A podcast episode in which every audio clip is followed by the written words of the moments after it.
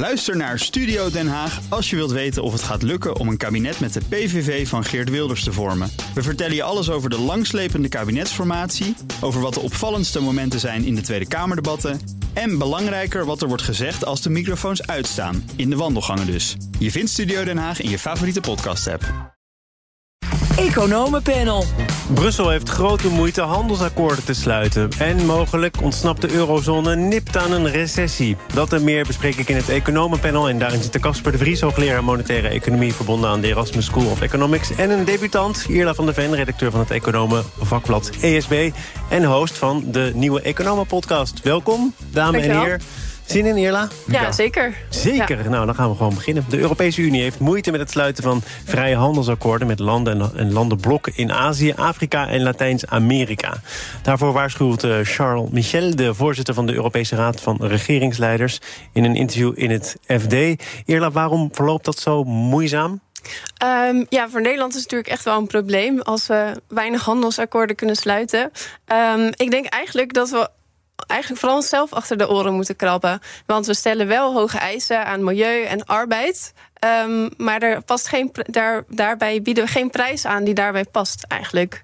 Dus we moeten beter gaan kijken naar wat kunnen wij nou beter doen dan China. Kunnen wij een betere deal aanbieden waar ook die landen wat aan hebben? En, en eh, waarmee zou je dan over de brug moeten komen? Om het te Ehm, winnen van China? Dus dat je meer nadenkt over ehm, hoe kunnen we de economie in die landen zelf versterken. Dus als je bijvoorbeeld naar Afrika kijkt, ehm, dan importeren wij veel tropische landbouwproducten, zoals cacao. En de cacaoboeren verdienen daar heel weinig aan. En vervolgens maken we daar in Europa maken we daar chocolade van. eh, wat we heel lekker vinden, maar waar we ook heel veel aan verdienen. Hebben we hiermee het probleem opgelost, eh, Casper? Het le- het leek zo ingewikkeld, Nou, maar ja, eh, de ik- oplossing in het eerste antwoord... Ehm, het zou kunnen dat we te, te weinig eh, willen betalen. Maar vrijhandel is, is absoluut eh, belangrijk voor. ehm, voor alle, e- ja, zeker voor de hele Europese economie. Om, we, we kunnen niet alles zelf maken. En er is nog een sterk motief. Namelijk, eh, door vrijhandel voorkom je migratie.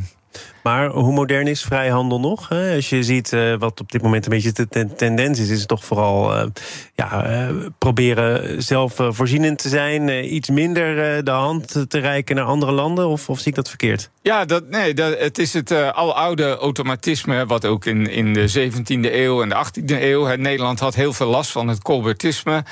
Frankrijk wilde iedereen uit de markt drukken... en vooral Nederland door grenzen gesloten te houden.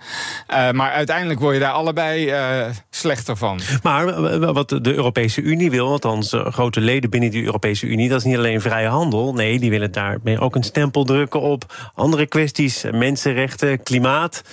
Is toch niet zo gek als je kijkt naar wat er is afgesproken in Parijs bijvoorbeeld. En dan kun je via zo'n vrijhandelsverdrag zorgen dat er ook andere landen bij betrokken raken, misschien meer invloed uitoefenen. Ja, het is de vraag natuurlijk of je dat dan via zo'n handelsverdrag kunt regelen.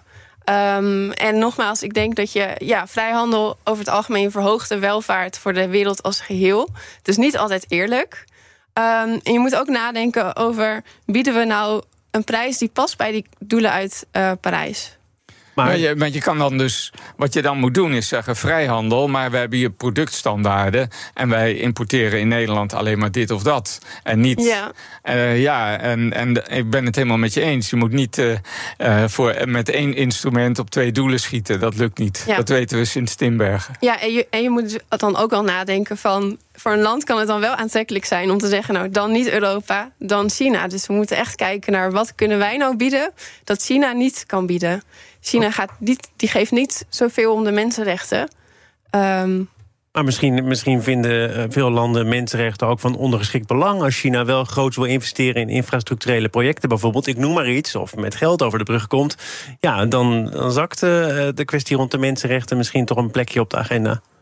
Ja, ik kan me voorstellen dat die landen eerst eens eh, zich economisch willen ontwikkelen... voordat ze echt eh, de volgende stap gaan zetten.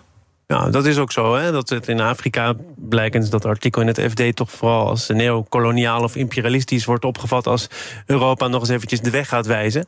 Eh, snap je dat dat met enige huiver wordt ontvangen? Eh, ja, begrijpelijk. Ehm, maar ik, ik denk dat je dus een vrijhandelsakkoord los moet zien van standaarden die je aan je eigen industrie oplegt. als wij dus bepaalde soorten chocola niet willen hebben in onze schappen, dan moet je dat op die manier regelen. Eh, maar niet eh, via een vrijhandelsakkoord. Maar hoe moeilijk is het om tot uh, gezamenlijke standaarden te komen? Het, handelsverdrag dat in Nederland het meest besproken is de afgelopen jaren is het verdrag met Canada. Absoluut. CETA, dat is toch een land dat op heel veel manieren op ons lijkt. En toch is er eindeloos over gesproken. In de, in de Eerste Kamer voor de poorten van de hel weggesleurd. Hè, dat het toch net doorheen kwam. Uh, ja, ga, ga, dan nog maar eens. En op Europees niveau is het nog steeds niet goedgekeurd. En dat komt omdat iedereen zijn zegje en zijn plasje wil doen. Ja, en dan werkt het niet. Nee, maar als je kijkt dus naar je moet het... Eh, zaken naar, uh, ja, naar de EU e afstoten. Ja. Maar ja, dat vinden landen weer moeilijk. Maar, maar, het is in Nederland wel gelukt, omdat de Partij van de Arbeid, meen ik, in de Eerste Kamer zei dat het gezien de internationale situatie en de onzekerheden belangrijk was om landen die op ons lijken, die de rechtsorde respecteren, zoals Canada, uh, aan de borst te drukken en niet langer te strijden. Is dat dan van belang? Hoe je, ja, je, zou eigenlijk moeten zeggen van wel vrijhandel met Canada, maar niet met Hongarije. Zou je, ja. Nou ja, ik vraag me toch nog af, hoe, hoe zou jij dan verklaren waarom het zo moeilijk is om met Canada een vrijhandelsverdrag af te sluiten? Omdat elk land wat anders wil binnen de EU en de EU geen, uh, ja, geen federale staat is. Nee, maar het ging volgens mij ook, als je kijkt naar de Nederlandse bezwaren... ging het niet alleen over dat eindeloze gesteggel binnen de EU... maar de tegenstanders zeiden er komt er meer concurrentie voor de Nederlandse boeren. Uh, er was, uh, zeiden de tegenstanders, te veel macht voor bedrijven... die eindeloos konden procederen in hun eigen belang. Mm. Uh, dat speelde er ook allemaal. Uh, nou ja, ik, ik, denk dat we er voordeel van hebben als er meer concurrentie is. Ja, dat uh, uiteindelijk moet je dan zien dat uh, zaken goedkoper worden en dat je dan je geld aan iets anders kan besteden. Dan zijn er altijd aanpassingskosten, dat weten we. Maar als we de grenzen dicht houden, dan zijn de kosten veel hoger. Ja. ja, er zijn natuurlijk ook wel veel onderzoeken bekend over dat de voordelen van vrijhandel komen niet bij iedereen in dezelfde mate terecht. Um, dat dus... klopt, maar dan moet je dus herverdelen. Ja. Maar de grens dicht houden is nog kostbaarder. Ja, precies. Dus misschien hebben landen dan ook wel meer moeite, ja, moeite gekregen met het herverdelen, waardoor er meer um, weerstand is tegen die Ja, dus dat herverdelen, dat is dan iets wat achteraf moet gebeuren, zodat je niet langer die situatie hebt van winnaars en verliezers. Of moet je dat toch ook accepteren als dat erbij hoort? En je zei zelf al, vrijhandel is niet altijd eerlijk. Ja, ja, klopt. Ja, dat moet, je als, moet eigenlijk in de politiek dan worden besloten van hoe, hoeveel willen we corrigeren. Uh, maar het is, wel, het is wel zo dat vrijhandel is in principe efficiënt, maar het is niet altijd eerlijk. Dus je kan niet zeggen vrijhandel is voor iedereen het allerbeste. Maar ja, het leven is gewoon niet eerlijk. En over de tijd veranderen de zaken. Als, kijk, als we zo doorredeneren, hadden we ook nooit de mijnen gesloten. En dan hadden we nog steeds een grote mijnsector in, in, in, in Limburg. Uh, ja, de mensen die daar werkten, die hadden er nadeel van. En dan moet je dus eh, de mensen helpen op weg naar een andere baan. Dat is veel slimmer dan uh, zaken dichtgooien en laten bij, bij zoals het was. Niet helemaal uh, een vrijhandelsverdrag, maar wel familie daarvan. Dat is namelijk hoe je je eigen industrie ondersteunt... om ervoor te zorgen dat daarvoor gekozen wordt en niet voor een ander continent. En dan kom je toch weer terecht bij de Inflation Reduction Act. Gaat die groene industrie flink steunen. Er wordt dan weer verwacht dat er een Europees antwoord komt, of niet. Hoe verhoudt zich dat tot tot, handelsakkoorden, denk jij, Casper? Uh, nou ja, in, in, zijn algemeenheid is uh, als de een uh, bepaalde producten sterk wil subsidiëren, is het heel dom om dat zelf ook te gaan doen. Want dan ga je tegen elkaar opbieden. ja, dan kan je beter zeggen, nou, dan specialiseren we ons op een ander gebied en houden dat geld vrij. Je bent net te laat voor Van der Leyen. Volgens mij is het toch van plan om het zo te doen, of niet? Uh, nou, de Brusselse de commissie kan het wel willen, maar Nederland wil dat absoluut niet. Oh, daar gaat ik niet door. En uh, ja, daar, daar zit strijd. Ja, en het klinkt heel nobel je eigen industrie um, subsidiëren, maar dat is natuurlijk ook een vorm van protectionisme. Nee, en absoluut. Gaat tegen de vrijhandel in. Nee, dus, ja. dus, nooit aan beginnen. Ja, nooit aan beginnen. Um, ja, je staat hier voor je mening. Ja, dat, dat vind ik een moeilijke, ja. Ik denk dat je het niet moet doen. In de jaren 30 hebben we ook gezien wat er gebeurt als we tegen elkaar op gaan bieden en de grenzen sluiten. Uh, als een ander zo dom is om er geld in te smijten, dan moeten wij dat niet zijn. Nou, ik wil wel één nuance aanbrengen als het nog mag. Ja, zeker. Um, Voor nuance is het altijd ja, niet te lang. Dat, nee, maar dat de Verenigde Staten natuurlijk wel een bepaald doel hiermee hebben om, om, uh, om de klimaattransitie te bespoedigen. En daar vind ik nog wel wat voor te zeggen. De economen zeggen altijd: we moeten een CO2-prijs, uh, eh, we moeten CO2 beprijzen. Dat is het meest efficiënt. Daar zijn we niet zo goed in. Dan is er wel iets voor te zeggen om dan naar andere methodes te zoeken. Ja, zoals dit is de wortel op de stok. Hè? Dus Ja, hier dit wordt is een nu duidelijke duidelijk gekozen voor de wortel. Ja. Terwijl economen, en daar krijgen ze ook de, de ruimte voor in dit panel, altijd zeggen, al jarenlang, ja, beprijs het inderdaad. dat is beter. Ja, maar je moet soms ook meedenken met de politiek die dat niet wil. Nee, denk het, ik. het, het is absoluut zo. eh, eh, een, een, prij- een eh, beprijzen is beter dan subsidiëren. En als de ander zo dom is om te gaan subsidiëren, dan moet je het niet zelf ook willen. Maar ja, dat beprijzen komt niet van de grond, hoor ik hier. Nou, in Europa wel. We beprijzen CO2. En de maar prijs de prijs zou, zou wel wat hoger kunnen, ja. Ja. Nou, eh, ik geloof dat we er toch zo ongeveer uit zijn. Dus eh, dat wil zeggen tijd voor deel 2 van dit panel. BNR Nieuwsradio. Zaken doen. Thomas van Zeil. Eerla van de Ven, van de Ven en Casper de Vries zijn de leden van het economenpanel van vandaag. De inkoopmanagersindex van S&P, een van de belangrijkste vroege graadmeters voor de economie, wijst uit dat Europa wellicht aan een recessie gaat ontsnappen. Die index stijgt voor de derde maand op rij en komt nu uit boven de 50 punten. Een stand die duidt op groei. Casper, ik zie je al juichend in de lampen hangen. Nou ja, de, de, de financiële markten hebben afgelopen week al gejuicht. Eh, ja, dat is, het kijk, aan voorspellingen ga ik me niet wagen. Eh, we balanceren nog steeds op de rand van een recessie. En het kan zomaar doorslaan naar eh, toch wel een, een misschien eh, een, een, een kleine recessie. Eh, want heel veel van de effecten, we hoorden het net op het eh, nieuws van BNR. eh, eh, veel bedrijven hebben, beginnen nu pas te merken wat het betekent dat ze heel veel moeten betalen voor energie. Uh, bij ons in de omgeving uh, gaat de ene kast naar de andere failliet. Die effecten die zijn, die, die lopen traag en die komen pas later in de economie terecht. En hetzelfde geldt voor rentes. Die zijn nu verhoogd en die worden nog steeds verhoogd. En ook daar is de doorwerking van ja, meer dan een jaar vaak. Dus uh, of we eraan gaan ontsnappen, uh, weet ik niet. Maar het, het valt misschien best wel mee. En een klein beetje recessie kan misschien ook geen kwaad. Ja, ja wat, het, het valt inderdaad wel mee. Het is ook maar net afhankelijk van welk etiket je erop wil plakken. Het FD had vandaag een groot stuk over uh, geen diepe recessie... maar wel een lange periode van stagnatie. Klinkt ook niet echt als een wenkend nee. perspectief. Uh. Nou ja, wat, wat, wat heel erg fijn is... is dat die arbeidsmarkt zich uh, redelijk goed houdt. En dat komt natuurlijk door de vergrijzing. En ja, dat is eigenlijk een... in andere situaties dachten we dan altijd meteen van, nou ja, dan zakt die arbeidsmarkt ook in. En dat zou best wel eens een beetje mee kunnen vallen. En dan zijn de sociale kosten eigenlijk van een recessie, die vallen dan misschien wel mee, omdat mensen andere banen kunnen vinden. Die inkoopmanagersindex, dat is een heel Europees verhaal uh, over de maakindustrie, over de dienstenindustrie. En als je kijkt naar de onderlinge verschillen, dan maakt het inderdaad uh, eerder ook nogal wat uit of je je geld vooral verdient door industrie of door diensten. Er zijn hele grote verschillen tussen landen onderling. Dus kun je überhaupt wel daar een algemeen beeld uit destilleren? Um, het algemeen beeld van de groei of van de inflatie, uh, ja, dat verschilt wel sterk voor landen, tussen landen, ja. ja. dus, en, maar de ECB moet, moet centraal beleid maken natuurlijk... dat dan uh, al die landen niet al te veel pijn doet. En dan krijg je te maken met, heb je veel schulden inderdaad... of ja. inflatie binnen zo'n land niet heel anders dan, dan, dan in een ander Europees land. Wat is jouw advies? Wat raad je aan? Nou, ik denk dat vooral die schulden wel heel relevant zijn. Want Griekenland zit geloof ik op 180% van het bruto binnenlands product aan schuld. Dat is natuurlijk wel echt heel hoog. Um, en ja, dan kan een, een, kleine renteverhoging kan daar wel heel veel effect hebben op of mensen Griek, nog Griekse staatsobligaties willen kopen. Het gaat wel gebeuren. Hè? Hoe vaak moeten mensen als Klaas Knot, uh, Christine Lagarde nog herhalen? We zijn er nog niet. Reken er maar niet op dat die stapjes minder groot worden. We gaan gewoon voor die 50 punten. Ja. Uh, dat is een beetje de boodschap van de afgelopen dagen. Ja, ik denk dat we daar vooral in Zuid-Europa wel angstig naar kijken.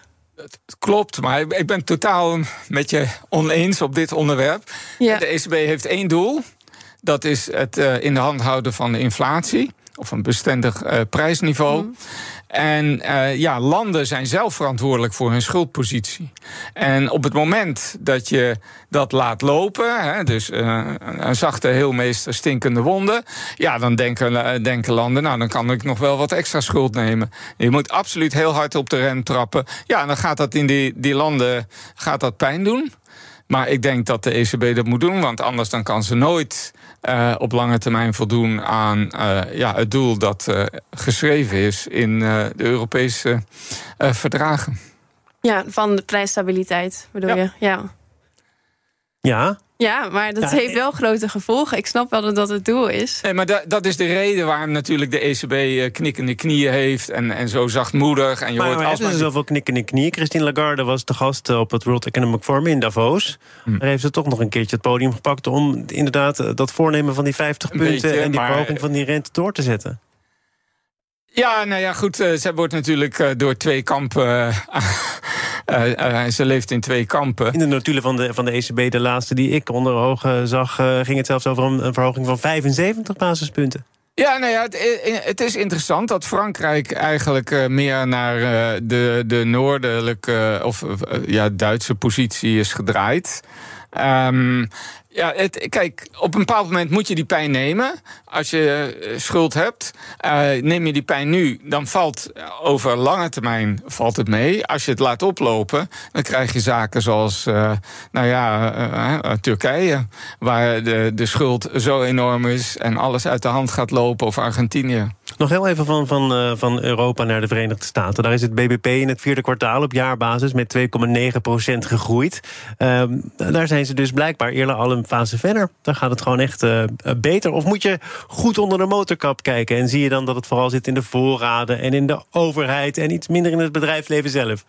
Maar dat vind ik, dat vind ik best een moeilijke vraag eigenlijk. Eh, gaat het in Amerika beter? Eh, je kijkt nu ook op jaarbasis. eh, en niet naar het laatste. Kijk, in de laatste twee kwartalen hebben we in Nederland. in in het derde kwartaal van 2022 hebben we wat krimp gezien. Daarvoor was het nog groei. Ik weet eigenlijk niet waar we op jaarbasis op uitkomen. En of dat lager is dan in de VS. Ja, in, de VS speelt heel erg de, natuurlijk de enorme stimulans van het eh, hulppakket eh, van Biden. En eh, ja, dat jaagt ook de industrie aan.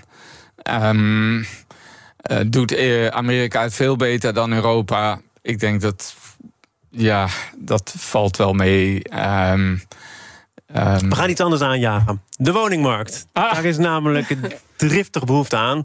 Er worden dit jaar 70.000 woningen gebouwd... terwijl het kabinet mikt op 100.000 woningen per jaar. En ook in 2024, volgend jaar, zal het streven bij lange na niet worden gehaald. zijn de verwachtingen van het Economisch Instituut voor de Bouw. Eerla, ondanks alles, ondanks minister Hugo de Jonge, schiet het maar niet op. En zelf zegt hij nu, ik ga zeker wat doen aan het vergunningstraject. Dat moet allemaal sneller. En bepaalde zaken die we tot voor kort allemaal na elkaar deden... gaan we naast elkaar doen. Eh, kan hij het daarmee een beetje vlot trekken, denk je? Of spelen er hele andere zaken? Eh, nou ja, je hebt natuurlijk de kortere en de iets langere termijn. Dus eh, voor volgend jaar zijn de vergunningen volgens mij al, al twee jaar geleden uitgegeven. Daar spelen andere dingen dan op de iets langere termijn. Ehm, dus op de iets langere termijn. Er zijn vorig jaar zijn er veel minder vergunningen uitgegeven voor nieuwbouwwoningen. vooral door, vanwege het stikstofbeleid. Ja. Dus dat, dat wordt wel een groot probleem, denk ik. En voor komend jaar is denk ik de stijgende rente een groter probleem omdat we in Nederland heel erg afhankelijk zijn van marktpartijen voor het bouwen van woningen. En die kijken gewoon, ja, als ik nu woningen ga bouwen, kan ik die dan over twee jaar, als ze af zijn, wel kwijt? Of kan niemand dat betalen omdat eh, ze geen hypotheek kunnen afsluiten? Nou, er zullen steeds meer eh, ontwikkelaars tot de conclusie komen dat dat ingewikkelder wordt, omdat alles duurder wordt. De eh, rente loopt op, de grond is duur, het materiaal is duur, de werknemers zijn duur. Bestaande huizen dalen natuurlijk in prijs. Nieuwbouwhuizen moeten eigenlijk fors duurder worden. Ja, welke gek gaat daar nog voor tekenen? Ja, kijk, ik denk dat het probleem is. We hebben eigenlijk eh, zeven Bijbelse Plagen. plagen in Nederland. En eh, het kabinet gaat er nog steeds van uit dat elke minister, eh, individuele minister, een van die plagen op moet lossen. Maar ze hangen allemaal met elkaar samen. Dus daar is gewoon een integrale aanpak nodig. En die heb ik nog niet gezien. eh, nog in het kabinet, maar ook niet in de Kamer. Want dat is ook one issue. Maar wa- wat voor integrale aanpak heb je dan voor Nou, ogen? heel, heel eenvoudig. Dus je kan het aantal huizen niet bouwen omdat je de, de landbouwgrond niet krijgt en de CO2-problemen. het hangt allemaal met elkaar samen. We hebben te weinig werknemers. Eh, ja, al, al die problemen. eh, maar als de- de minister van Sociale Zaken zich daarmee gaat bemoeien, hebben we toch niet één keer meer werknemers of wel? Nee, ik denk dat je niet. eh, Ik, ik denk dat eh, de, het hele kabinet samen moet zitten en moet zeggen: Nou, er zijn zes, zeven grote issues. En die, hangen allemaal, die bijten allemaal elkaar. En eh, dat kunnen we niet apart oplossen. Hè. Dus niet alleen maar het dijkenprobleem, maar ja, de, de ruimte. de, de, de immigratie is ook een probleem. En die hangen allemaal met elkaar samen. Ja, maar goed, dit, dit, is zo complex dat er ook geen eenvoudige oplossing is, begrijp ik. Er zijn natuurlijk ook korte termijn oplossingen. Ik geloof dat de Partij van de Arbeid nu iets wil doen aan speculatie met grond bijvoorbeeld. Het moet toch nu gebeuren?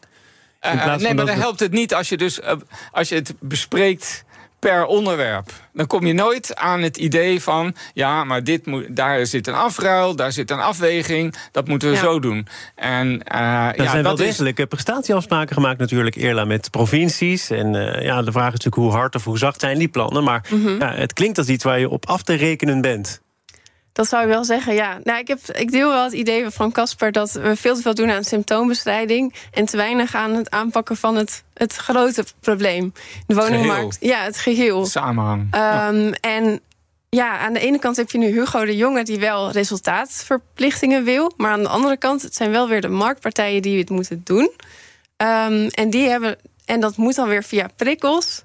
Uh, en je ziet dan, als er ook maar iets verandert in de economie dat die prikkels dan niet zo goed werken. Als de huizenprijzen stijgen, dan heb je eigenlijk als uh, marktpartij altijd een prikkel om nog even te wachten met het bouwen of met het opleveren. Want dan kan je meer rendement behalen. En als de rente stijgt en de huizenprijzen dalen, dan is er weer te veel onzekerheid. Uh, en dat zagen we ook wel duidelijk in de vorige crisis, dat er toen veel minder gebouwd werd. Uh, dat hadden we eigenlijk net een beetje hersteld. Dus vorig jaar uh, sorry, in 2020 en 2021 werden er ongeveer 80.000 woningen gebouwd. Nu was de prognose volgens mij weer 70.000. Ja, dat is de prognose. Maar de les van de vorige crisis is volgens mij... zo gaan we het de volgende keer niet aanpakken. We moeten blijven doorbouwen. We moeten ook zorgen dat mensen aan de slag blijven. Want anders dan op je, heb je op de langere termijn een grandioos tekort. Maar ik heb nog niet hele overtuigende plannen gezien... voor hoe hoe we dat nou gaan voorkomen eigenlijk. Ja, Nederland raakt vol en, en ja, dan hangen alle problemen met elkaar samen. En zolang je denkt dat je dat uh, kan wegstoten uh, naar een gemeente of een provincie, dan, dan werkt het niet. Oké, nou de conclusie is, die handelsverdragen, dat is nog een ingewikkelde kwestie. De recessie komt er misschien toch. en die woningmarkt hebben we ook niet opgelost toch heel erg bedankt voor jullie aanwezigheid. Eerder van de Ven, redacteur van het uh, vakeconomenblad ESB... host van de nieuwe Economenpodcast. Dank voor je debuut. Ja, en Casper uh, de Vries, hoogleraar monetaire economie... aan de Erasmus School of Economics. Ook dank voor jouw komst en tot een volgende keer. Dit panel is overigens uh, terug te beluisteren als podcast. Abonneer je vooral via je favoriete kanaal... of via de app van BNR. Zometeen de Oekraïne-update. Ook Liesbeth Staats vind je in de BNR-app. Ja, heel handig. Luister live naar Kees en mij tijdens de Daily Move. Dan blijf je ook gelijk op de hoogte van breaking news en het laatste zakelijke nieuws. En daar vind je ook alle BNR-podcasts, waaronder de Perestrooikast. Download nu de gratis BNR-app en blijf scherp.